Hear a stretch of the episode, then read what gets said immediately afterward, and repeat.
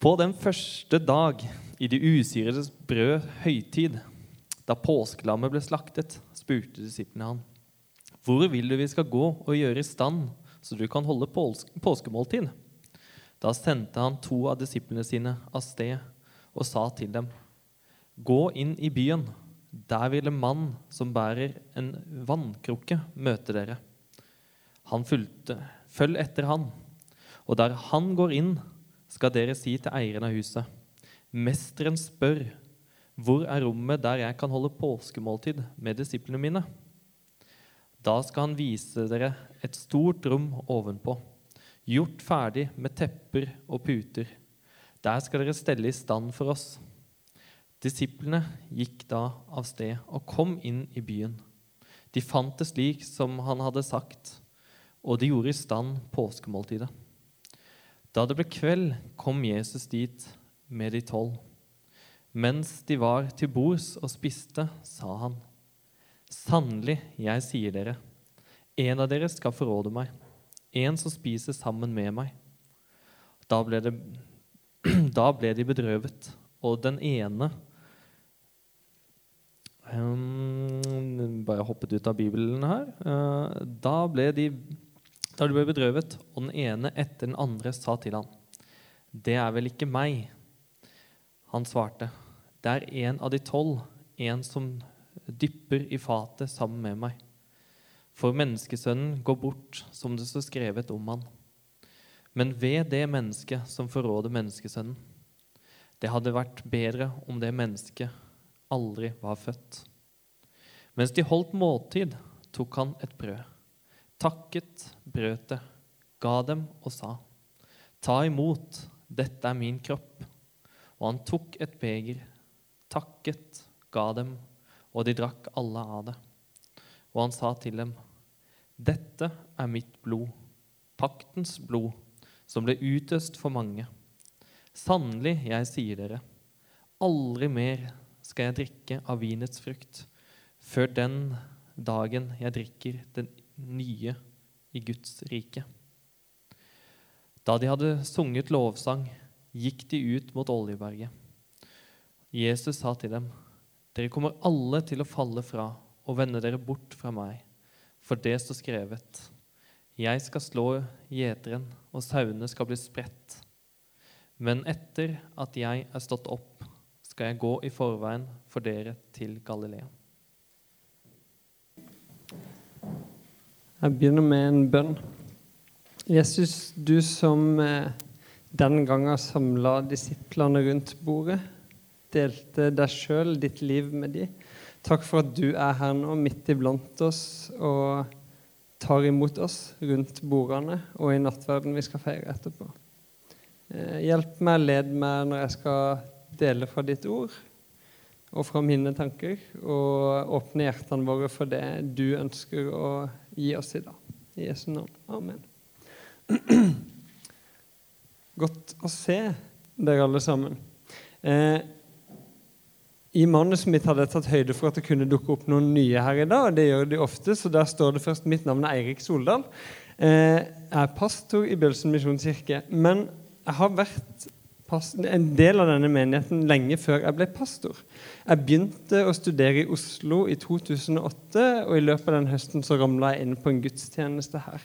Det er 15 år siden.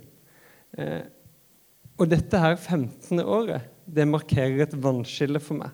For plutselig så er jeg blitt den av oss her inne som har gått lengst i menigheten. Det betyr at Ingen av de jeg ble kjent med da jeg kom her for første gang, er her inne nå. Det er litt rart for meg. Eh, de som tok imot meg, er borte. Altså ikke sånn borte, de er spredd for, eh, for ulike vinder. Jeg håper de ikke har flytta pga. meg, eh, og at ikke dere gjør det heller. Men, men altså, de jeg ble kjent med, de som tok imot meg, er ikke her nå. Så jeg begynte å lure litt på hva som ville skjedd hvis den gjengen som jeg feira min første gudstjeneste her sammen med, ramla inn her i dag. Jeg tror det hadde blitt litt trangt, det er greit nok, men, men hvordan ville de sett på gudstjenesten vi har nå, og på fellesskapet? Ville de kjent seg igjen i kulturen vår, i stemninga, måten vi er sammen på? Ville de tenkt ja, dette er Bjølsen misjonskirke? Eller ville de vært sånn Oi, hva har skjedd her? Dette ligner ikke på det jeg var med på. Kanskje ville det vært litt av begge deler. For hva er det som møter deg når du første gang kommer inn i en kirke? Det er noen mennesker, det er noen vegger, noen stoler, kanskje noen bord. Det er et program, en liturgi, noe forkynnelse osv. Men jeg tror noe av det viktigste du møter, er en kultur. Nærmere bestemt en organisasjonskultur. Da jeg studerte teologi og ledelse, så lærte jeg om det her. Eh, og Der fikk vi en eh, ganske enkel definisjon som sa at en organisasjonskultur det er et komplekst fenomen som enklest kan forstås som måten vi gjør tingene på her hos oss. Og Så kan man komplisere det og forklare det litt mer ved å si at kulturen det er et mønster. Et mønster altså hvordan vi gjør ting, men også hvordan vi tenker hvordan vi føler, hva vi ser på som godt, sant, verdifullt, og som funker bra nok for oss til at vi bevisst eller ubevisst gir det videre til nye som kommer inn i organisasjonen.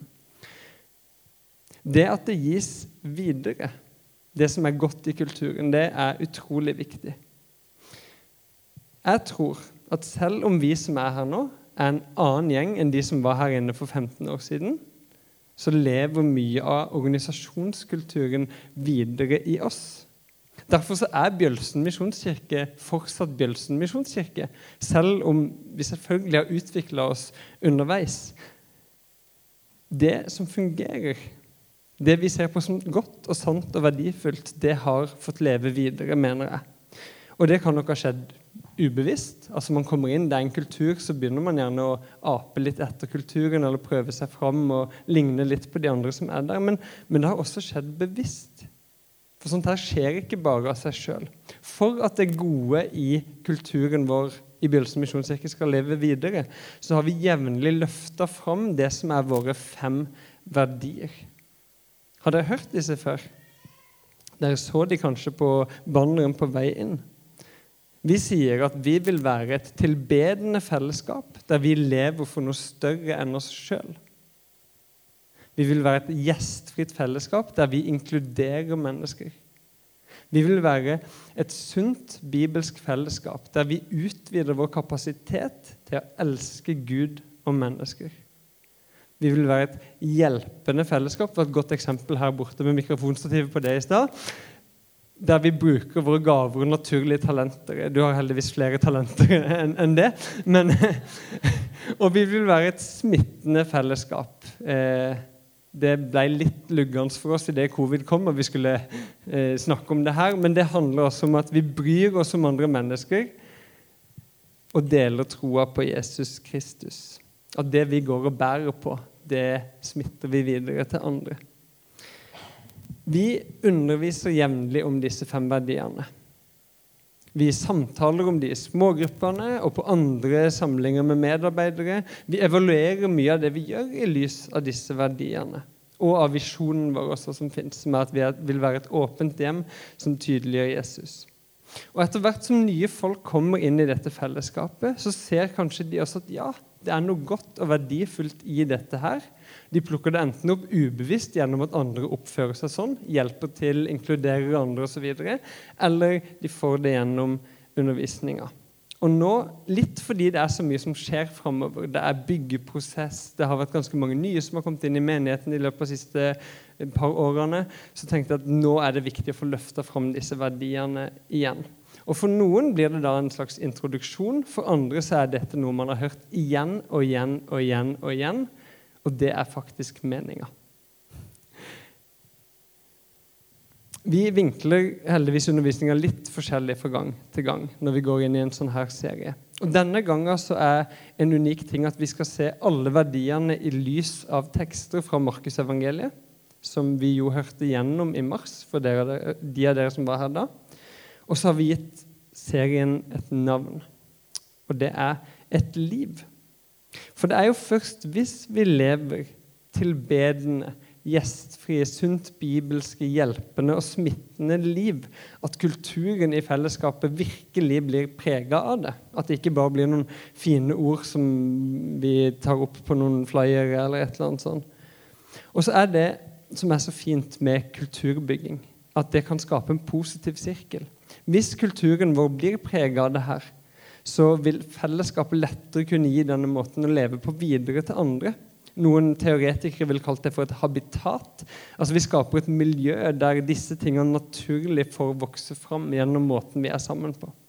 Så jeg tenker at Hvis du ser de ordene, tenker ja, jeg har lyst til å leve et sånt liv, så kan det hende du er på rett plass. I dag skal vi altså se nærmere på det som handler om gjestfrihet.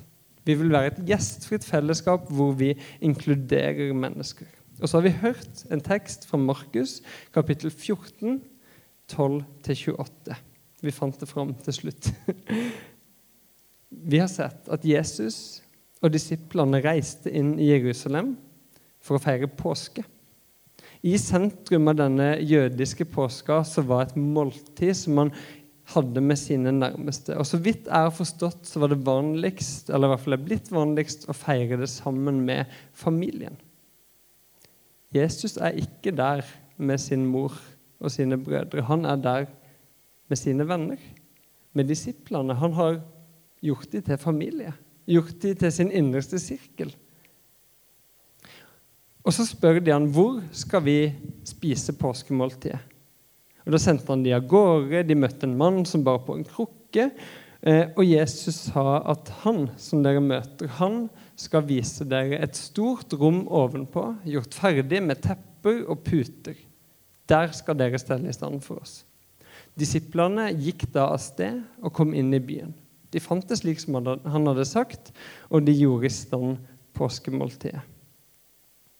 Så spørsmålet, altså Måten jeg kommer til å undervise på, er å spørre hva kan dette lære oss om gjestfrihet? Både i hverdagen vår og i fellesskapet her. Hvordan kan dette inspirere oss til å leve gjestfrie liv? Jeg får et par assosiasjoner. Det første er til gudstjenesten vår. Fordi før du kom inn hit i dag, så er det noen som har stelt i stand for deg. Det er noen som har Jeg vet ikke om noen vasker over bordene. Jeg tror det. Det er noen som har tent lys, brygga kaffe, noen som har forberedt en tale, andre som har øvd på musikk og lovsang. Noen som har bedt til Gud om at du må få et levende møte med Jesus når vi er her sammen i dag. Noen har gjort klart på lyd og skjerm. Noen har tatt med noe godt til kaffen. Noen har vært her i går og gjort et godt stykke dugnadsarbeid. Alt er gjort ferdig. Det er stelt i stand, og du får være med på festen. For en gudstjeneste er en fest. Det er ikke ballonger og sånn her. Det er ikke konfetti. Men, men vi kommer sammen for å feire den korsfestede og oppstandende Jesus Kristus. Det er det gudstjenesten handler om. Den andre assosiasjonen jeg får her, det er til kirkebygget vårt. Disiplene de skulle finne et stort rom ovenpå.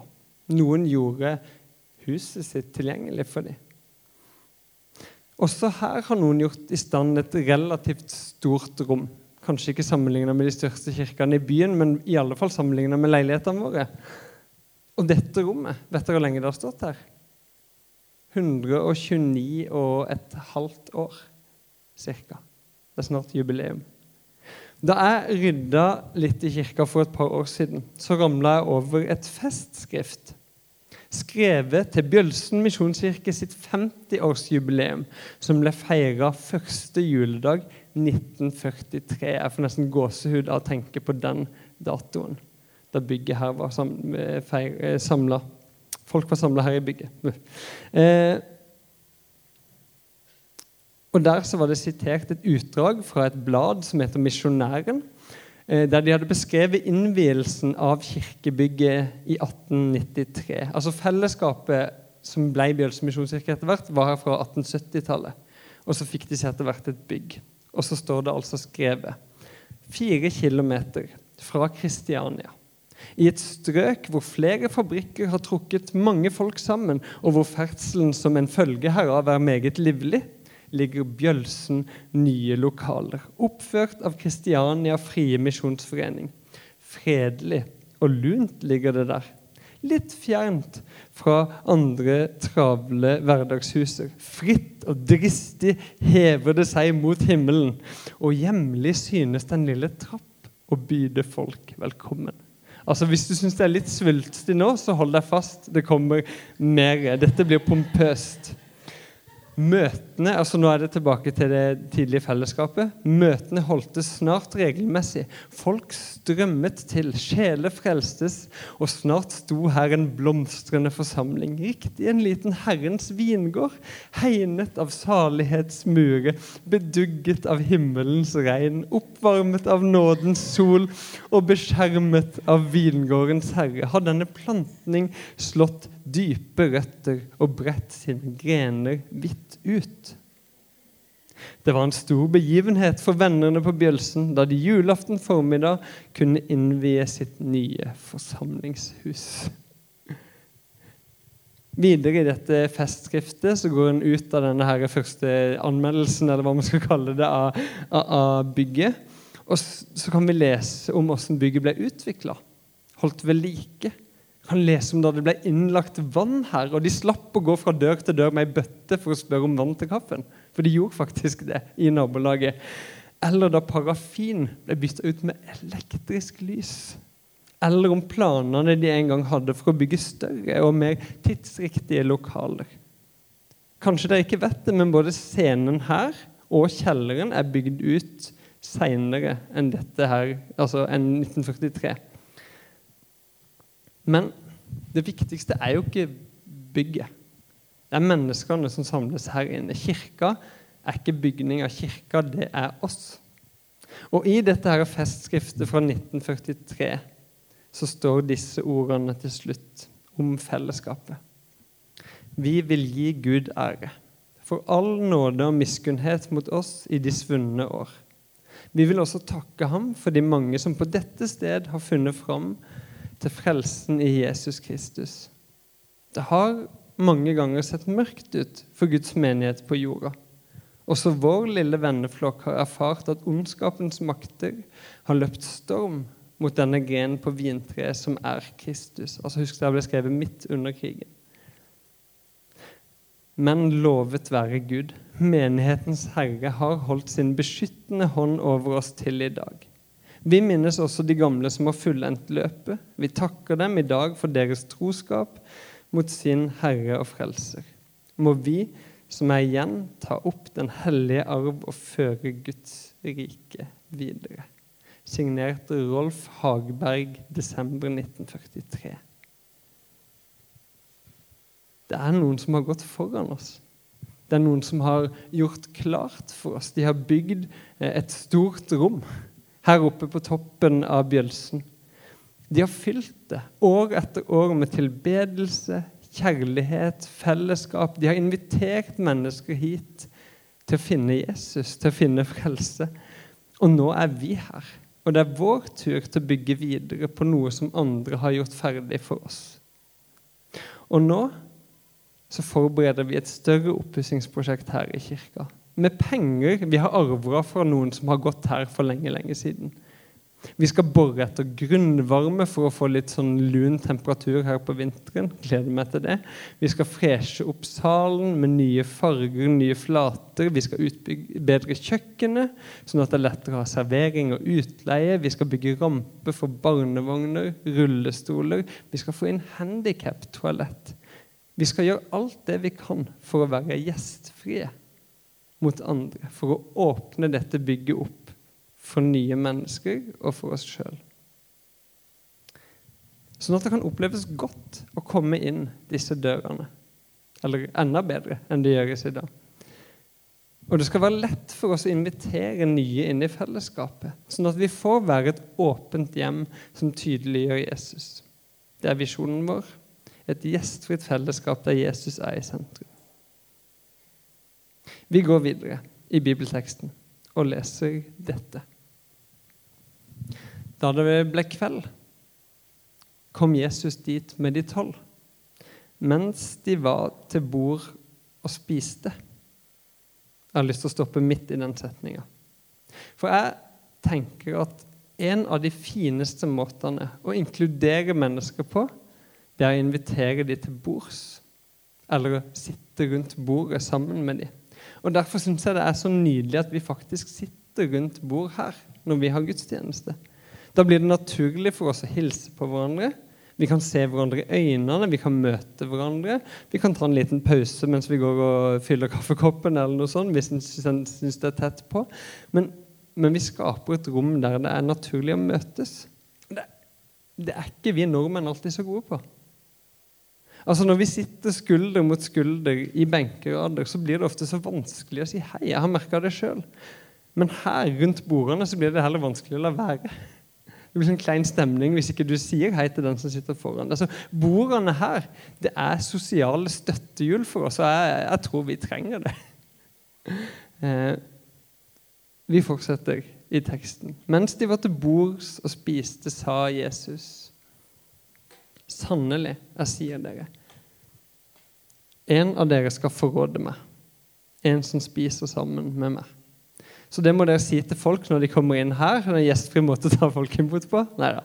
Eh, men dette her er jo enorm gjestfrihet. Noen i dette måltidsfellesskapet, nærmere bestemt Judas Iskariot, skal snart overgi sin mester til myndighetene. Dette vet Jesus. Og Likevel så får Judas lov til å være med. Jesus inkluderer han i fellesskapet. Han setter seg tett inntil. Han dypper brødet sitt i samme fat som han. Se for meg noe som pita og hummus eller et eller annet. Jesus han inkluderer alltid mennesker. Ikke bare Judas, men også resten av disiplene. Og De var ikke så mye å skryte av i denne uka her, de heller, inn mot påske. Etter måltid sa Jesus nemlig til det at dere kommer alle til å falle fra og vende dere bort fra meg. Altså Hvis jeg var Jesus, så tror jeg jeg hadde vurdert å spise alene den kvelden. Jeg hadde trengt litt tid for meg sjøl. Her skal jeg gjøre alt jeg kan for andre, og så bare stikker de. Men Jesus er ikke sånn. Jesus inkluderer mennesker. Han ønsker faktisk å spise sammen med disiplene sine. Han ønsker å sitte til bords med mennesker som de. Med syndere, forrædere, feiginger, svikere. Mennesker som snubler og faller igjen og igjen og igjen. Mennesker sånn som, som oss. Jeg vet ikke åssen det er med deg. Har, du synda mot Jesus denne uka? Det er ikke et spørsmål jeg ofte stiller på gudstjeneste. Men har du det? Har du gjort ondt mot et annet menneske? Eller latt være å gjøre det gode når du hadde muligheten? Har du feiga ut? Har du på en eller annen måte vært skamfull over å høre til Jesus? Jeg er skyldig i flere av disse tingene. Og Likevel så ønsker Jesus meg velkommen til bords, og han ønsker deg velkommen til bords. Han ønsker oss velkommen til kirka, velkommen til gudstjenesten, velkommen til fellesskapet, velkommen til å ta imot.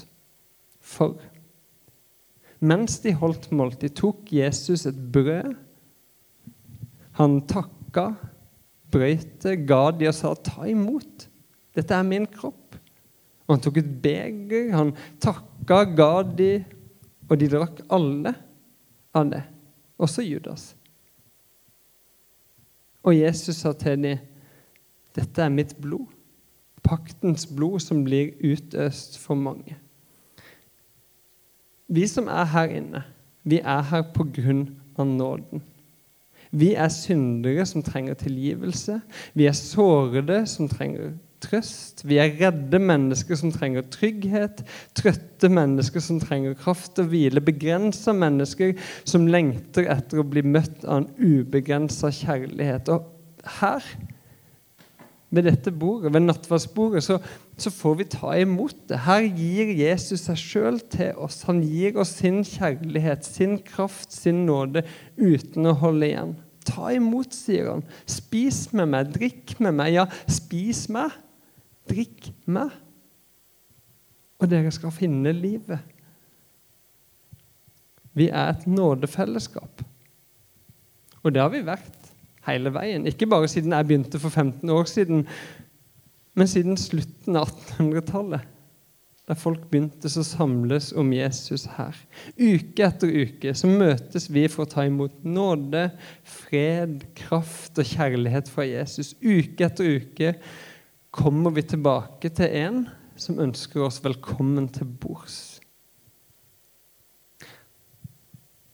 Da de var ferdige med å spise, sa Jesus til disiplene sine altså at dere kommer alle til å falle fra og vende dere bort fra meg. For det står skrevet jeg skal slå gjeteren, og sauene skal bli spredt.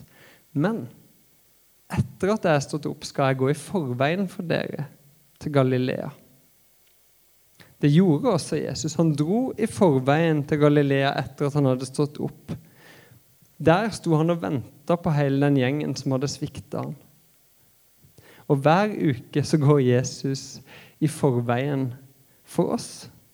Hver uke står han klar på gudstjenesten. Og også alle andre steder du møter han. Og han står med åpne armer og tar imot dem med nåde. Og det er fordi Jesus er sentrum av dette fellesskapet, at vi kan være et gjestfritt fellesskap.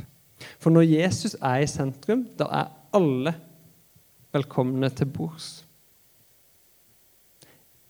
Jesus sto opp fra de døde, og en dag skal vi stå opp til et nytt liv sammen med han. Denne siste kvelden han hadde sammen med disiplene sine på jorda, så sa han Sannelig, jeg sier dere, aldri mer skal jeg drikke av vintreets frukt før den dagen jeg drikker den ny i Guds rike. Mine venner, han venter på oss. Han har gått i forveien for oss, han har gjort klart. Og det er plass til meg og deg og til så mange flere rundt bordet i Guds rike.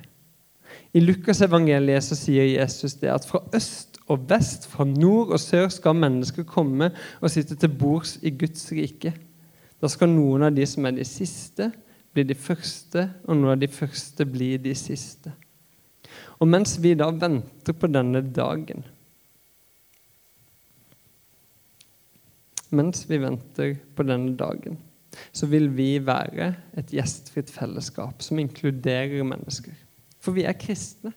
Vi er i Kristus. Og da kan vi ikke gjøre noe annet enn å stå med åpne armer og ta mennesker imot sånn som Jesus gjorde, og sånn som Jesus fortsatt gjør.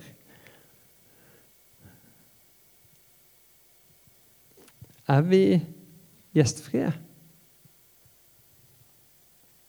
Er dette et kjennetegn på Bjølsen misjonskirke, på vår organisasjonskultur, for å gå inn i de lærebøkene igjen? Jeg tror jeg vil si ja. Altså, det er ikke sikkert alle har opplevd det når de har kommet hit, men mange har sagt at det å komme til Bjølsen misjonskirke At en aldri har opplevd en sånn type gjestfrihet før i en menighet. Vi som er her nå, har vel på en eller annen måte i større eller mindre grad opplevd å bli inkludert. Og jeg tror alle vi her inne har lyst til å gi det videre. Vi har erfart at når vi kommer hit, så er vi ønska. Det er rom for oss, det er plass til en til rundt bordet. Så jeg tror vi kan si at vi har en gjestfri kultur. Men så er det ikke sikkert vi kan ta ære for all gjestfriheten og inkludering av oss sjøl. Eh, jeg var i en bursdag for litt siden og snakka med noen her fra kirka eh, om hva, hva, er det, liksom, hva er greia med Bjølsen misjonskirke. Og bordene er jo en sånn eh, selvfølgelig ting. Ja, da er vi tilbake etterpå. Eh, men det er også noe med størrelsen på menigheten. Altså, Vi skulle egentlig ofte ønske vi var flere. Altså, Det er så mange ting som skjer bra med en menighet hvis den vokser. en får mer slagkraft, Det er så mye en kan gjøre, og det er mulig å beholde en gjestfri kultur i en større menighet. Men, men når en menighet blir veldig stor, f.eks. i Oslo, så kan det hende at det kommer sånne store vennegjenger inn. Disse har gått på denne bibelskolen, og de har gått på, eh, på denne folkehøyskolen. Og så er det sånne store klikker, og havner du imellom en av de, så, så har jeg hørt folk har opplevd at ja, da vet jeg ikke helt hvor jeg hører til. Det, problemet har, har, ikke vi. Det, det, har aldri kommet en gjeng på 25 stykker hit samtidig og lagd en klikk som ingen får være med i. Eh, her kommer folk ofte alene eller med én venn eller to. Og siden ikke vi har en hel vennegjeng med oss, så er vi jo nødt til å hilse på hverandre hvis vi har lyst til å ha fellesskap. Så dette er ikke noe sånn skryt av bjølsen. Det er bare sånn ja, det kommer noen gode ting at vi er ut, at vi er litt få. Eh, en annen ting som jeg tror hjelper oss sånn strukturelt, det er merkelig nok det at det er stor utskiftning. Folk flytter ofte. Altså Hele menigheten er blitt bytta ut i løpet av 15 år siden jeg begynte å gå her. Og Man kan bli litt sliten av det, at det kommer inn nye folk som må du inkludere igjen og igjen. og igjen. Men tenk deg om det motsatte var tilfellet. Tenk om det var de menneskene som jeg møtte her for 15 år siden, som hadde gått her bare de i 15 år. Og så kommer du inn her i dag for første gang. Åssen hadde det vært? Altså, jeg ser for meg at enten, Hvis ikke man hadde vært veldig bevisst og jobba veldig med verdiene i menigheten, så hadde du enten blitt møtt med litt sånn rare blikk eh, Hvem er det? Har noen invitert det mennesket? Eller så hadde det blitt en sånn der klam omfavnelse. En gjestfrihet uten frihet. Bare sånn 'Å, endelig! Det kommer noen nye! Eh, vi, vi, trenger det her. Kan jeg komme på kveldsmat til deg?' 'Å, velkommen, velkommen, velkommen.' Vi er vant til at folk kommer og går litt. Vi, vi tar folk imot. Eh, og denne jevnlige utskiftinga tror jeg at vi hele tida får øvd oss på å ta imot nye. Det, det, tvinger oss til gjestfrihet. Så jeg tror mye ligger til rette for at vi kan være et gjestfritt fellesskap. For det første som sagt, har vi en gjestfri person i sentrum av fellesskapet. Jesus står her midt iblant oss med åpne armer. For det andre så har vi en gjestfri struktur, både med tanke på størrelsen til menigheten, den jevnlige utskiftninga og det at vi sitter sitter sammen rundt bordene. Og for det tredje så har vi gjennom mange år bevisst bygd en gjestfri kultur. Og det må vi fortsette å gjøre hvis vi har lyst til å forbli et gjestfritt fellesskap. For det skjer ikke av seg sjøl. Det fins små menigheter som ikke er gjestfrie.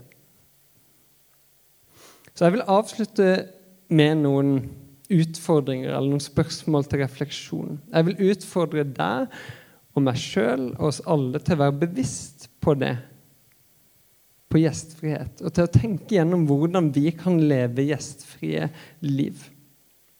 Så, og Da tenker jeg både i menigheten, men også i hverdagen, der vi lever livene våre. Så første spørsmål er hvordan bygger jeg fellesskap i menigheten? Jeg tenkte litt på det at sier, altså Visjonen vår har vært et åpent hjem som tydeliggjør Jesus. Men hvis ingen av oss her opplever dette som vårt hjem, så er det veldig vanskelig også å være åpen og invitere nye. Så vi er nødt til å bygge fellesskap med hverandre for å ha den basen det fellesskapet inviterer til. Så gjestfrihet inni det, hva ser det ut som? Kan du være en av de som tenker at ja, jeg går her, jeg skal også være en av de som hilser på nye? Jeg skal lære meg navnene til folk. Jeg skal spørre på nytt når jeg glemmer dem, og så skal jeg spørre på nytt en gang til når jeg glemmer dem, for det viser at jeg er interessert. Navneamnesti. Er det noen som har gått to år i menigheten du ikke kjenner navnet på? Du har lov til å spørre igjen. Det viser bare at du, vil, du er interessert i det mennesket. Og så kan du være interessert i folk. Spør de, altså Hva slags familie kommer du fra? Hvordan ramla du inn her? Hvem er du? Hva er du opptatt av? Kan du gi andre mennesker her inne og nye som kommer hit, en opplevelse av å bli sett og bli hørt. Og så tredje ting. Der var det noen som kom meg i forkjøpet i dag. Kan du invitere til sosiale ting utenfor gudstjenesten? Eh, eller bli med når andre inviterer? Da kan vi bygge et bedre fellesskap. Det kan handle om å be folk med på kveldsmat eller ute og spise eller på kino etter gudstjenesten. Det var det mange som gjorde da jeg begynte her. Noen har dratt i gang frisbeegolf, slenger det ut på Facebook-gruppa Folk i Bjølsen. Nå nylig har noen invitert til å henge en kveld hjemme hos seg. Altså sånn, det er, det er ikke så mye som skal til. Så liksom bare det å inkludere hverandre skaper dette trygge, gode hjemmet som vi kan invitere andre inn i. Det andre jeg vil be deg om å reflektere er dette. Hvem gir jeg plass rundt bordet mitt? Jesus ga plass til alle. De som ligna på han, og de som ikke gjorde det. Han ga plass til fariseere og skriftlærde som alle så opp til, og til utstøtte og prostituerte. Han ga plass til Judas, som forrådte han, til Peter som fornekta han, til Thomas som tvilte på han, han ga plass til deg og meg. Hvem får plass rundt bordet ditt? Inviterer du noen gang hjem noen som ikke er helt lik på deg? En nabo, en kollega, en studiekamerat? Hvem setter du deg til bords med i lunsjen på arbeidsplassen eller studiestedet? Hvem setter du deg ved siden av i forelesningssalen? Hvem er det som blir inkludert av deg? Og hvem kjenner du eller ser du i dine omgivelser som trenger å bli inkludert? Kanskje kan du også tenke dette spørsmålet som hvem inviterer jeg inn i Bjølsen misjonskirke? Rundt bordet mitt her. I en periode så pusha vi så mye på det at folk ble litt slitne av å høre om det. Men jeg tror det er på tide å dra det litt fram igjen. Eh, kan du invitere noen hit? Det kan være noen som, som, ikke er kristen i det hele tatt. Eller kanskje en venn som er kristen, men som ikke har vært en del av en kirke på en stund. Det kan være en som tviler, en som lever annerledes. Det kan være hvem som helst. For Jesus er her og vil ta imot alle slags mennesker. Og jeg tror alle mennesker ønsker å bli inkludert, om det er her eller et annet sted. Så to spørsmål. Hvordan bygger jeg fellesskap i menigheten? Gjør det til et godt hjem? Og hvem er det som får plass rundt bordet mitt, både her og ellers i livet? Eh, Knytta til det med å invitere folk hit, så har jeg lyst til å avslutte med en liten historie som viser hvor gøy det er å være kirke når vi inkluderer ulike typer folk. Et av de første årene jeg gikk her i kirka, så var det noen andre som hadde invitert med seg en venn hit som ikke var kristen, på gudstjenester. Og Denne vennen kom igjen og igjen, og etter hvert så, så fikk hun lyst til å bli med i en smågruppe. Det ble tilfeldigvis min. Altså, Vi møttes i hjemmene hos hverandre, leste Bibelen. Og hun var en så utrolig forfriskende person å ha i det fellesskapet. For hun stilte alle de beste spørsmålene. Hun hadde de mest naturlige reaksjonene. Der vi andre leste noe Jesus sa og nikka litt sånn andektig. Ja, det er fint, det Jesus sier. Så sier hun 'Hæ? Det er jo helt sykt! Han kan ikke si det!' Jo, kan han leve sånn? Og så tenker vi at nei, det, det gjør jo søren heller ikke. Det bare, Oi, dette, nå utfordrer du oss, Jesus. Og altså det var så forfriskende å ha en sånn person i fellesskapet. Og jeg, jeg håper og ber om at det jevnt og trutt skal dukke opp sånne mennesker i fellesskapet vårt. Folk som er underveis. Folk som kanskje, eller kanskje ikke, velger å følge Jesus og si ja til han. Folk som kanskje, eller kanskje ikke, takker ja når vi inviterer til nattverden, som er helt frivillig å være med på. Jeg håper at Bjølsen misjonskirke kan være et åpent, inkluderende, gjestfritt hjem i mange år framover. For deg og for meg og for mange nye mennesker. Jeg håper også at vi hver uke kan sendes ut herfra for å leve gjestfrie liv der vi er, sammen med Jesus. Så skal vi synge en lovsang, og så skal vi få samles rundt nattverdsbordet etter det.